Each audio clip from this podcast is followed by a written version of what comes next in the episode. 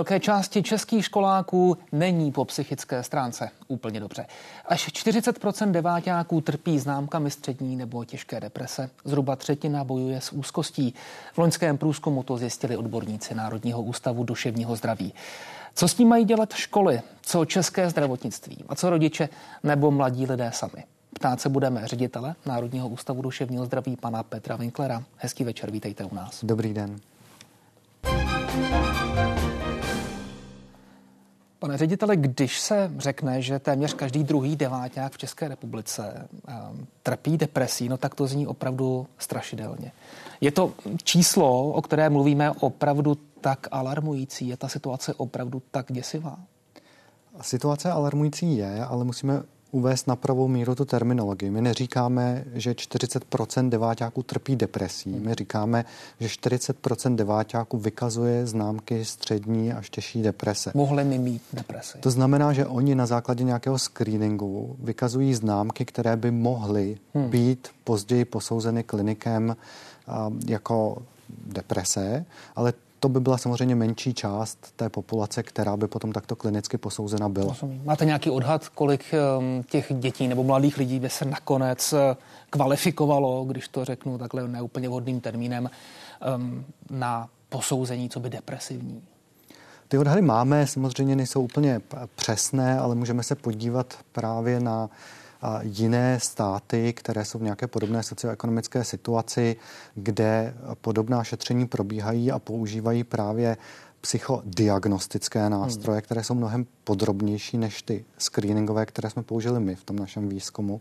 A tam se pak dostáváme někde k 20% těch mladých lidí, kteří mají nějaké duševní onemocnění. Což pořád není vůbec málo. A vy sám říkáte, ta situace je alarmující. To znamená, mm, kdyby se stejný průzkum dělal před několika lety, byla by ta situace lepší? Horší se ta situace u českých školáků? Ta situace se určitě zhoršila v souvislosti s covidem a souvisejícími restriktivními opatřeními, ze kterých vlastně jsme se úplně nezotavili od hmm. té doby neboť byly následovány dalšími těžkými společenskými situacemi. Válka na Ukrajině, ekonomická krize, která zasáhla mnoho domácností, velká nejistota, která nyní ve světě panuje. To jsou všechno faktory, které na psychiku vůbec populace hmm. doléhají a samozřejmě doléhají i na tu mladší část populace. Skutečně ten COVID to je nějaký e, jasný a ostrý předěl. Před covidem e, bylo nejen lépe, ale bylo, řekněme, uspokojivě. Byla ta situace v podstatě dobrá v České republice? No to jsem dalek toho říct, hmm. že ta situace byla dobrá nebo uspokojivá. A určitě ten COVID znamenal nárůst eh, těch duševních problémů v populaci a určitě taky byl jakýsi katalyzátor věcí, které třeba byly pod povrchem. Hmm. Ono se také o tom tématu začalo daleko více mluvit, lidé začali být daleko více senzitivní a z našich výzkumů vyplývá mimo jiné to, že si také daleko více začali uvědomovat, že v jejich bezprostředním sociálním okolí se nachází lidi, kteří mají problémy v oblasti duševního zdraví, nebo že sami oni si jsou schopni ty problémy přiznat. Takže to jsou některé ty mechanismy, jakými covidová pandemie zapůsobila na duševní zdraví mladých lidí. Jaké další mechanismy tam zapůsobily, zafungovaly? Jak, jakými všemi způsoby covid zdevastoval duševní zdraví mladé české populace? Tak musíme se uvědomit, na jaké vlastně základní potřeby člověka bylo uh, zasaženo. Hmm. Uh, COVID jako zdravotní výzva, o které jsme úplně ze začátku nevěděli, jak se podepíše na naší umrtnosti v populaci a jak zasáhne vůbec celkové populační zdraví. A potom jako výzva sociální, kdy ta restriktivní opatření se hodně soustředila na omezení sociálního kontaktu, což je velmi rizikový faktor pro vznik duševních problémů, pro duševní onemocnění. Osamělost hmm. je jedním z nejtěžších faktorů přispívajících problémům v oblasti duševního zdraví u některé části populace. A potom i ta oblast ekonomická, která taky patří samozřejmě k základním potřebám. A všechny tyto potřeby byly nějakým způsobem zasaženy a to dost citelně a ještě s velkou dávkou nejistoty, jak se to vlastně bude vyvíjet do hmm. budoucna. Je ta dětská duše v tomhle ohledu ještě zranitelnější? Třeba ta otázka sociální izolace nebo osamělosti, to pochopitelně doléhalo takřka na každého, ale na děti obzvlášť, je to tak? Určitě. Oni se nachází v senzitivním období svého vývoje, kdy jsou pro ně důležití vrstevníci, kdy je právě pro ně ten sociální kontakt důležitý a kdy skrze ten sociální kontakt, sociální interakce, zapojení do různých sociálních skupin, oni vlastně dospívají. A je to velmi citlivé vývojové období, které není úplně nahraditelné v pozdější části hmm. života. Hmm. No a když to teď eh, sečteme a podtrhneme, můžeme říct, že co se týče duševního zdraví mladé české populace, jsme na tom eh, ještě hůř než srovnatelné země třeba v Evropě nebo řekněme v tom západním civilizačním okruhu. Je to vůbec možné takhle srovnávat? Máme proto data? Nemáme proto úplně dobrá data, protože takto rozsáhlé průzkumy, tak jako se nám podařilo realizovat ve spolupráci s Českou školní inspekcí, jsou spíše výjimečné a jsou velmi náročné, právě protože se jedná o děti, kdy potřebujete třeba souhlas zákonných zástupců s tím, aby se vůbec těch výzkumů mohli účastnit.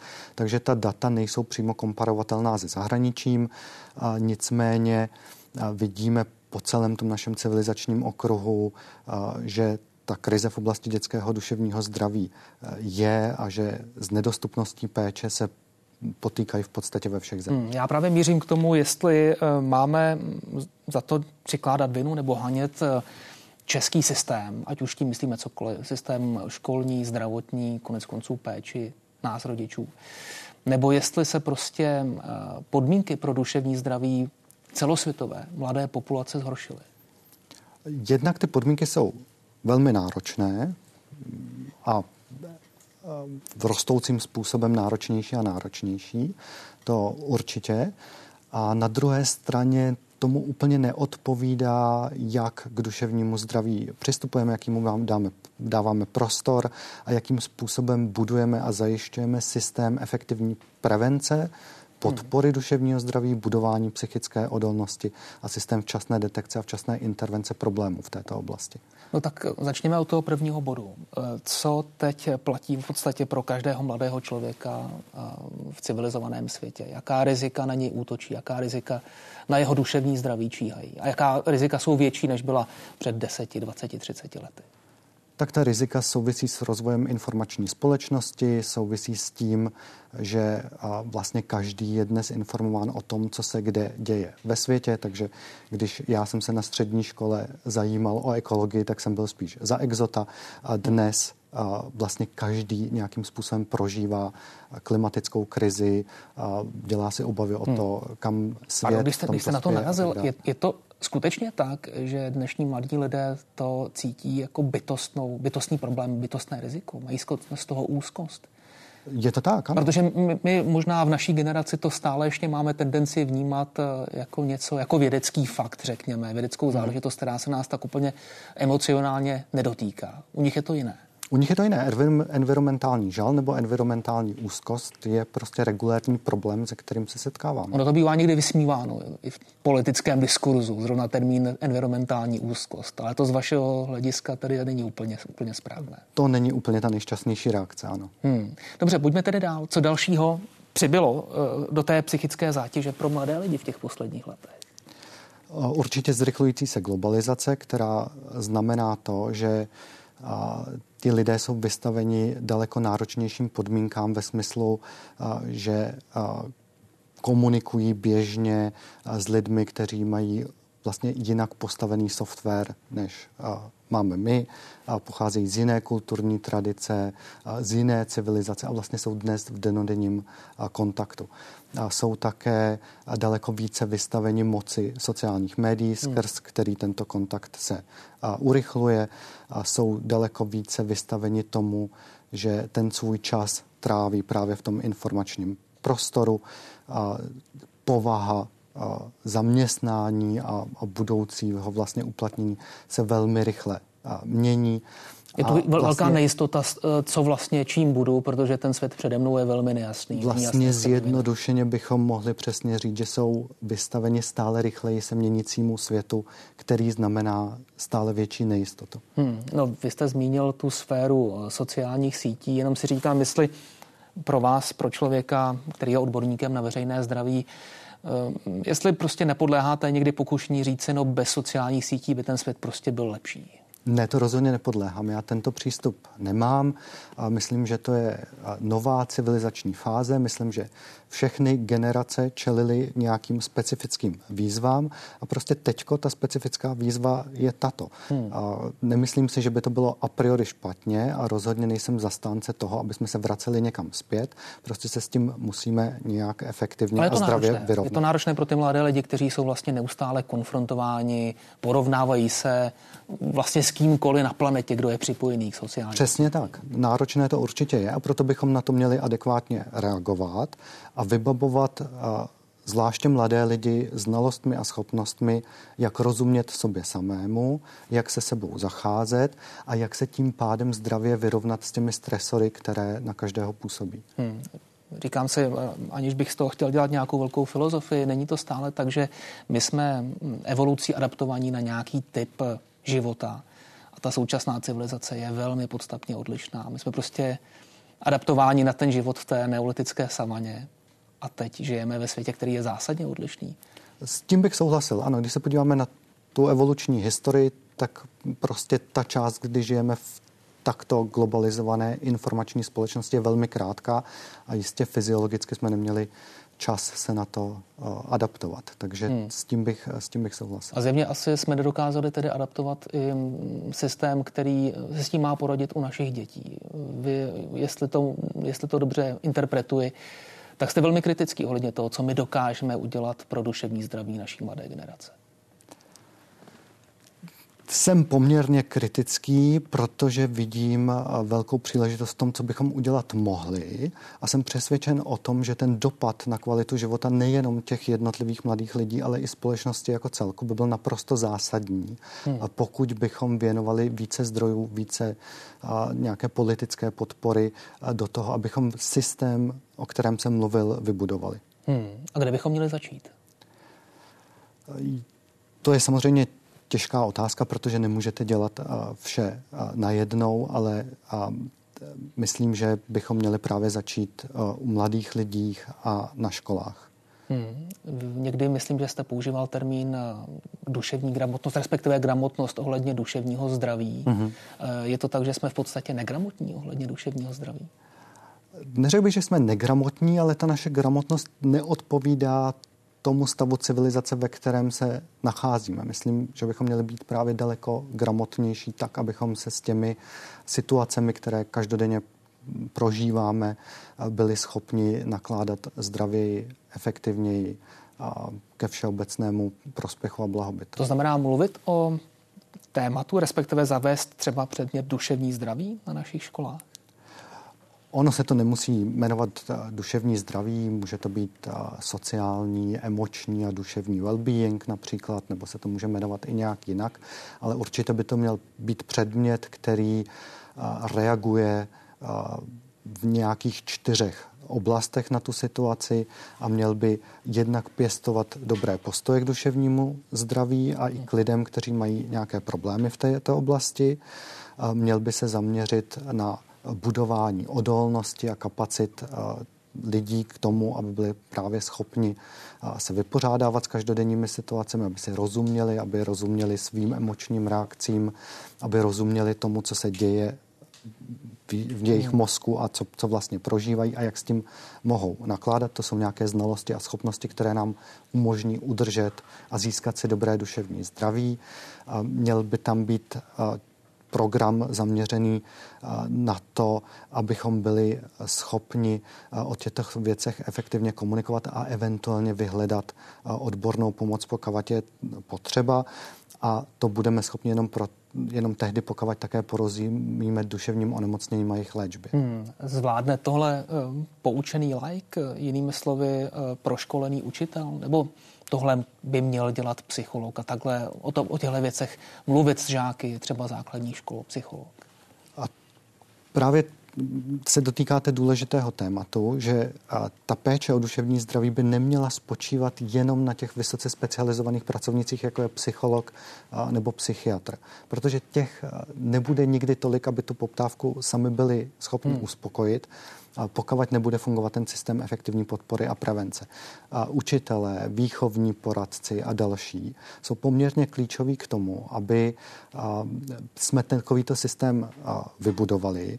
I učitelé jsou schopni předat takovýto předmět duševní gramotnosti velmi efektivně.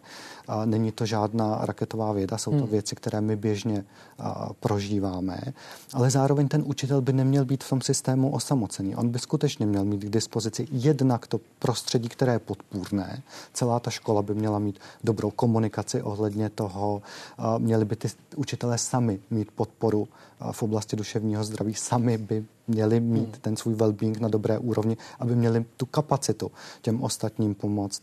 Měli by být dobře zasíťování v té komunitě, ve které jsou s dětskými lékaři, s dětskými psychiatry, s pedagogicko-psychologickými poradnými a s dalšími prvky, které v tom systému jsou. Měli by samozřejmě efektivně komunikovat s rodiči, měli by mít ten systém, který umožní nejenom takhle univerzálně podporovat každého, ale potom i efektivně zacházet s těmi, u nich se nějaké ty problémy vyskytnou, detekují a tak dále. No, máme chuť tohleto změnit? Když komunikujete se školami, eh, narážíte na, na to, že prostě tohle je jenom další povinnost, která na nás dopadá a my už, my už jich máme dost, co by pedagogové. Eh, a nebo je tady chuť s tím něco dělat? Možná překvapivě ne. A ta chuť s tím něco dělat a tady rozhodně na straně těch škol je. A myslím si, že je i na straně ministerstva školství, které to téma nějakým způsobem podporuje.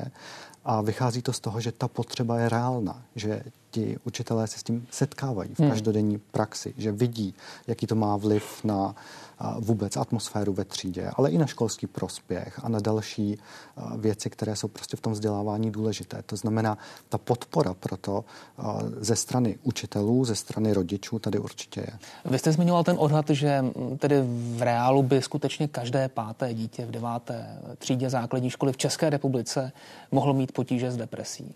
Říkám si, kdyby eh, se stalo to, co by se asi stát mělo, to je, že by se každý pátý žák dostal do péče odborníka, psychologa nebo psychiatra, jestli by už tak zatížený český systém v podstatě neskolaboval. No to právě záleží, jak ten systém vybudujeme. Pokud bude fungovat ten systém efektivní prevence podpory, tak většinu z těch potřeb budeme schopni vyřešit v rámci třeba té školy. Takže nezamíří nakonec uh, i ti mladí lidé, kteří mají nějaké potíže a necítí se dobře, tak by nakonec nemuseli ani zamířit uh, k odborníku. Přesně tak. A na to je velmi dobrá evidence a je to vlastně jako jinde v medicíně. Když problémy, které máte, řešíte včas. Hmm. Nemusí se to projevit do nějaké závažnější diagnózy nebo do nějaké závažnější potřeby specializované a už vůbec ne lůžkové péče. Na druhou stranu um, asi je nepochybné, že ten náš systém odborné péče je prostě momentálně extrémně přetížený. Vyplývá to z dlouhých čekacích lhůt a tak dále. To je nepochybné, ano. Máme s tímhle něco dělat? Je, je tady vůbec tím něco dělat a vyřeší to brutálně řečeno jenom nasypat do toho systému další peníze? No to nevyřeší, to záleží, hmm. jak ty peníze utratíme. A rozhodně není realistické předpokládat, že bychom byli schopni vyprodukovat nějak podstatně více dětských psychologů, psychiatrů a dalších specializovaných profesí. To prostě trvá extrémně dlouho hmm. a navíc eh, velká část těchto profesionálů je v nějakém předdůchodovém věku, takže my budeme rádi, když eh, tu mezigenerační obměnu udržíme tak, že udržíme stejnou hladinu profesionálů v tom Aha, systému. Takže lepší to prostě nebude teď v následujících no, letech, může, co se týče čísel. Může to být, protože my se můžeme zaměřit právě na ten systém efektivní prevence podpory, hmm. a který potom uleví tomu tlaku, kterému teď čelí Rozumím, já jsem měl služby. na mysli čistě eh, čísla a počty psychiatrů a psychologů, kteří budou k dispozici. To prostě lepší nebude a musíme se soustředit na to, o čem mluvíte, tedy na ten zbytek toho podpůrného systému. Přesně tak. Tam příležitost pro to, že bychom nějak vylepšili populační duševní zdraví, není příliš velká. To opravdu uh, vidíme spíše v tom systému prevence podpory, včasné detekce, včasné intervence. Hmm, já si říkám, jestli to nebude ještě podstatně horší, jenom když se dívám na čísla, které se týkají uh, dětských a dorostových psychiatrů. Uh, jenom některá z nich uh, v roce 2023 se atestovalo šest nových dětských psychiatrů, v roce 2022 tři, 2022 jeden. Nes, nesměřujeme v tomhle, v téhle konkrétní oblasti, myslím tedy dětskou a dorostovou psychiatrii, do nějakého vyhroceného problému? To si netroufám úplně odhadovat a nerad mluvím v takovýchto silných termínech. Musíme si uvědomit, že na planetě jsou i země, které na tom jsou podstatně hůř. V Sierra Leone máte na celou populaci dva psychiatry, v Jižním hmm. Sudánu jednoho. Ty země se s tím musí taky nějakým způsobem vyrovnat a ta řešení se nabízí. E, ale jestli se nemýlím, vy docela silně kritizujete to, jak nakládáme s těmi prostředky, jak jsme efektivní v tom, jak hospodaříme s tím, co máme k dispozici. E, myslím, že jste říkal, že odměňujeme na základě tradice a ne na základě potřeby. Je to tak? Ano, to říkám často, že ten systém rozhodování o alokaci zdrojů a teď nejde v první řadě o ty finanční, ale právě o ty lidské, hmm. tak není úplně postaven na evidenci tak, jak by být měl. A to je absence vůbec odbornosti v oblasti veřejného zdravotnictví, která v České republice a vůbec v tom prostoru, který se nachází na východ od bývalé železné opony, existuje a je dána historicky a je způsobená 40 lety komunismu, který tady byl. Mm, bavíme se o tom systému, zejména systému tvořeným, tvořeného profesionály, ale asi podstatnou částí toho systému jsme my rodiče. Jsme kvalifikovaní ve svém průměru, co se týče duševního zdraví našich dětí? To je opět jedna oblast, kterou se snažíme zlepšovat, nejen v Národním ústavu duševního zdraví, a zaměřovat se právě na rodiče, protože ti mohou také velkou část těch potřeb, které děti mají, efektivně obstarat. A například trénujeme rodiče, kteří mají děti s úzkostí v tom, aby věděli, jak s tímto nakládat. Hmm. A to jsou programy, které opravdu potom efektivně snižují tu poptávku po té odborné péči, protože prostě nedochází k tomu, vy jste řekl vyhrocené, to slovo, hmm. k vyhrocení té situace. Nedochází k tomu, že by to dítě potřebovalo potom nějakou specializovanou nebo dokonce lůžkovou péči, nebo ji potřebuje v daleko menší míře, než když ti rodiče tu podporu nemají. Poraďte nám, co, kde děláme ty největší chyby, protože ono to zdá se osciluje, ta kritika osciluje mezi tím, že rodiče nevěnují dětem dostatek času, dostatek pozornosti.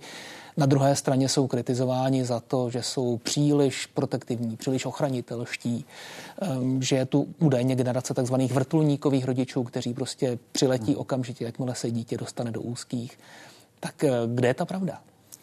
A ten zájem o dítě je jedna z těch oblastí, ale důležitý je také zájem o sebe a o vlastní duševní hmm. zdraví a o tom vlastně mluvit otevřeně před dětmi, jak se cítím a že jsem třeba dnes frustrovaný a možná budu podrážděný, takže hmm. se dopředu omlouvám za ty svoje reakce. Rozumím. A, a pro starší podobně. generaci je těž, asi těžko vlastně představitelné takhle mluvit eh, před vlastními dětmi, je to tak?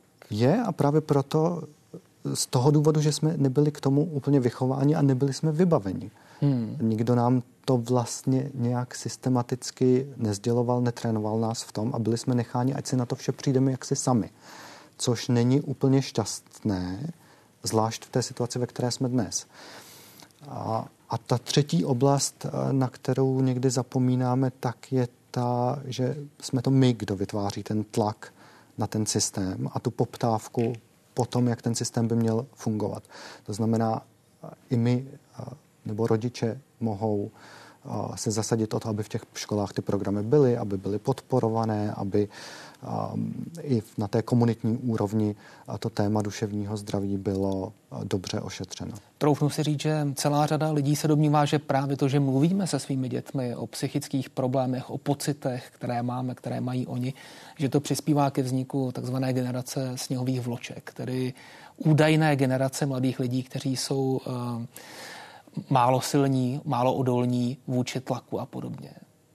Co vy, co vy cítíte, když slyšíte termín generace sněhových vloček? Eh, já cítím velké nepochopení eh, ze strany těch, kteří hm, takto mluví o té nové, nové generaci. To, že ta nová generace čelí výzvám, které jsou kvalitativně odlišné než výzvy, kterým čelila předchozí generace nebo ty předchozí generace, které to také měly náročné v různých oblastech života, tak neznamená, že jsou nějak eh, slabší nebo eh, že by měly být považováni za křehké. Ona v tom je také odvaha, to téma otevřít, přiznat si ty pocity, přiznat si ty problémy a ne je třeba řešit zástupnými způsoby a sebemedikovat se alkoholem, návykovými látkami, anebo tu svoji úzkost a frustraci ventilovat eh, skrze agresi. No, když jste mluvil o návykových látkách, máme tedy poslední minutku, ale mezi ta nová rizika předpokládám také patří nové drogy, nové návykové látky. Ostatně velmi silně medializovaný případ eh, dětí, které se otrávili eh, v podstatě bombóny, eh, které byly zároveň ovšem obsahovaly HHC, tedy látku, látku HHC. To je asi také nová kvalita rizik, které číhají na mladé lidi. Částečně ano. Musíme také na druhé straně ale říci, že z těch mezinárodních eh, výzkumů, které probíhají po celé Evropě, tak vidíme jasný pokles užívání jak legálních, tak nelegálních návykových látek právě u dětí a u mladé populace, a to v poslední dekádě. A ty jevy, které jste jmenoval, a ty nové látky, které se vynořují, tak jsou samozřejmě nebezpečné, představují nějaký problém, který by bylo potřeba řešit, ale velmi těžko se to řeší v současném paradigmatu protidrogové politiky. Petr Winkler, moc krát děkujeme. Děkuji za pozvání. Ještě krátká pozvánka na večerní diskuzní blok v událostech komentářích. Vlna frustrace a ztrátek, stávek zemědělců prochází Evropou. Německo, Francie a Belgie a také Nizozemsko. Vadí levná konkurence mimo Evropu i chystané plány Green Dealu dojdou protesty i do Česka. A co se musí změnit v evropské i české zemědělské politice? Co je výhodné pro farmáře a co pro jejich zákazníky? Témata pro večerní události komentáře s ministrem zemědělství Markem Výborným, europoslancem Martinem Hlaváčkem a agrárním analytikem Petrem Havlem. V 10 hodin večer, teď už ale události, dívejte se. Hezký večer.